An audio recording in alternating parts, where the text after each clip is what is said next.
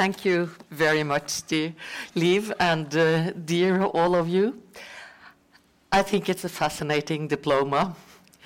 Uh, and I have to tell you that the committee members, the five committee members, picked this out of uh, five, I think, different diploma, not sketches, but finished diplomas, put in front of us. And uh, we still had not decided on the laureate of this year.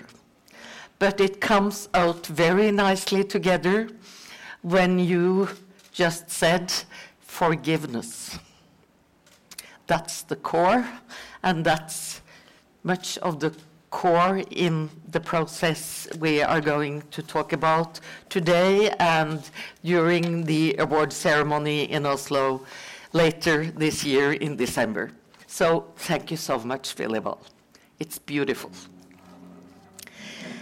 I uh, yesterday had the pleasure of announcing that the Norwegian Nobel Committee has decided to award the Peace Prize, Nobel Peace Prize for 2016, to the Colombian president, Juan Manuel Santos, for his resolute efforts to bring the country's more than 50 year long civil war to an end.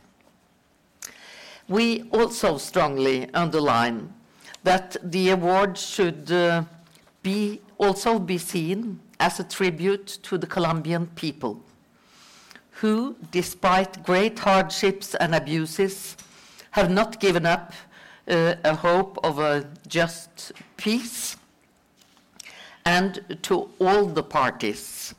That means national and international parties in the process who have contributed. This tribute is made not least to the representatives of the countless victims of the Civil War.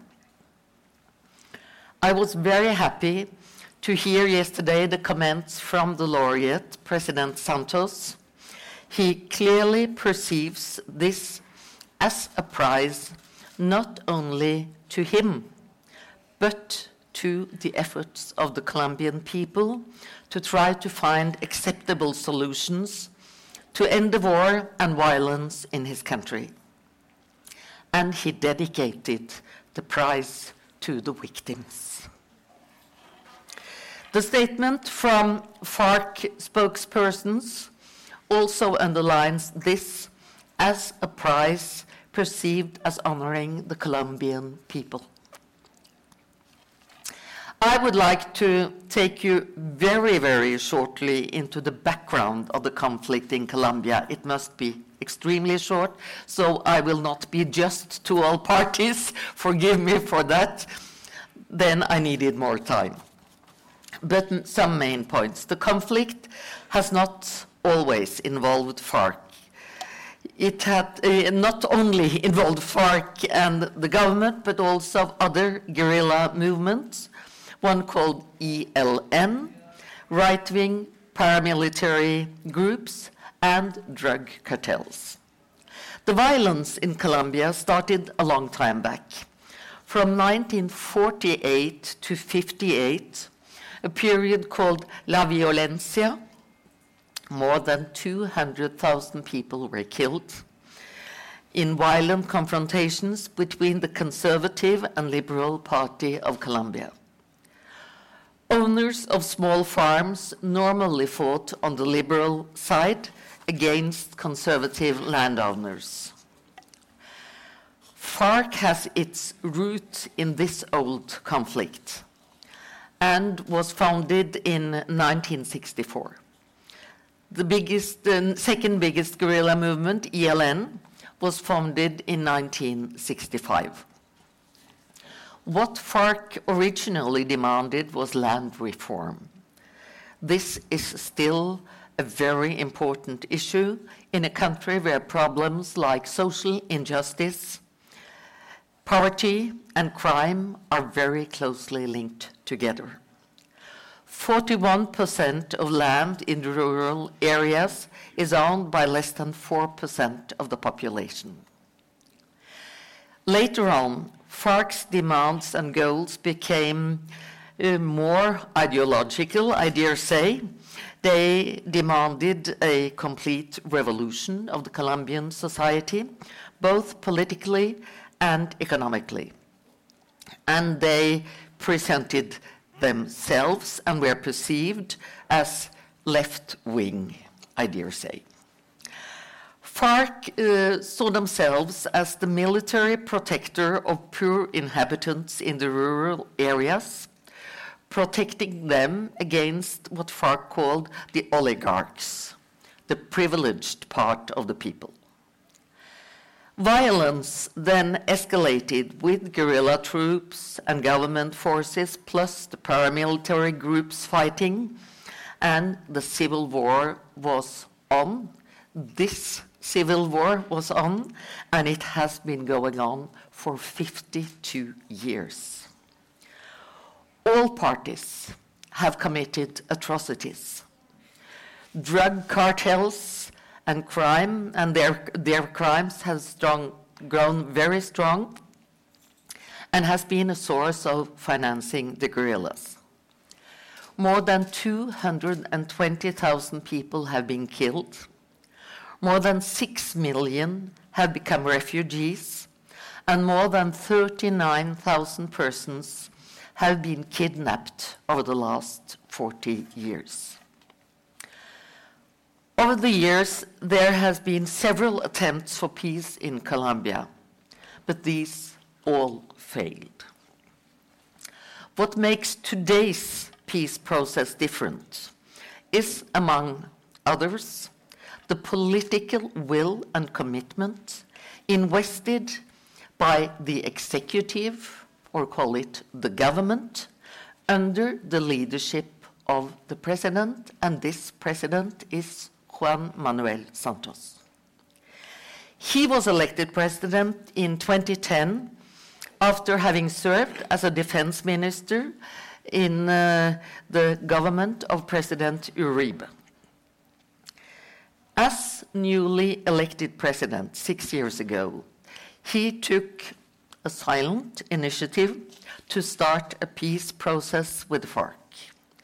This was a demanding a lot of political courage. There are thus many reasons for the committee to award the prize to President Santos and these reasons are clearly spelled out in the announcement text from the committee. And I quote He initiated the negotiations that culminated in the peace accord.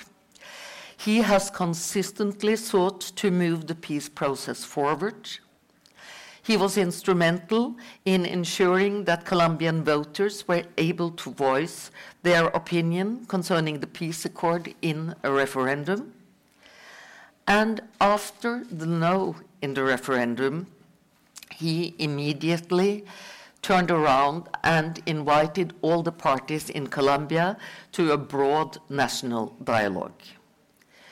The president himself, after the people with a slight majority, but a majority said no, stated he will continue to work for peace right up until his very last day in office. Because that's the way to leave a better country to our children, unquote. The committee hopes that the Peace Prize will give him strength to succeed in this demanding task. Have we forgotten other parties to this conflict? No, we have not. In our announcement text uh, that I referred earlier on, we state that the award should also be seen as a tribute to all the parties who have contributed to the peace process. That's both national and international participants. This prize, in our view, should not in any way be seen as a belittlement of these other parties. There are many parties in the process. FARC, under Londoño's leadership, is obviously very important in this. We have noted that FARC uh, has given important concessions to arrive at what is called the final agreement. And that Londoño, after the referendum, stated, I quote, the FARC reiterates its disposition to use only words as weapon to build towards the future, unquote. He has also stated that the ceasefire stands and that FARC is willing to sit down at the table in Havana again. The Nobel Peace Prize is never a prize against anyone. But the prize this year is a praise of President Santos for his peace initiative and his persistence in the work to obtain peace.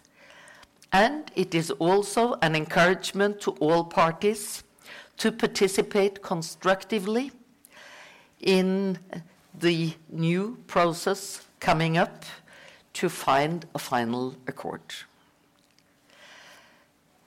I got a question yesterday Has uh, Santos obtained anything? Yes, we definitely think a lot has been achieved. It is the committee's firm belief that President Santos, despite the no majority vote in the referendum, has brought the bloody conflict significantly closer to a peaceful solution. A ceasefire has been established, and it still holds despite the result in the referendum. Much of the groundwork has been laid for the verifiable disarmament of the FARC guerrillas. The dialogue has resumed and new dialogues are being opened. This is a process we want to encourage. But Colombia's president, Mr. Santos, is the head of state of Colombia. He is and he must continue to be at the center of the peace process. If not, the whole process risks falling apart. The dialogue has also created a new atmosphere and relationship between old enemies. This dialogue needs to be brought further, and the committee strongly wants to encourage this. About the referendum, some people yesterday said, well, you're putting your fingers into this, you are uh, belittling the people of Colombia uh, who have said no in a referendum. No, by no means do we want to or are we meddling in the democratic processes of Colombia. We have, as members of the committee and each of us personally, a deep respect for democratic decisions and for a referendum where the people of a country decide. And we also note that the president of Colombia has a deep respect for such a democratic process. So, in no way do we want to say that uh, this is not a good process. We have uh, seen uh, that the outcome was what, not what our laureate wanted. But he turned around and invited to a broad national dialogue. But we have to say that, uh, and to, to state very clearly what the no sayers have said.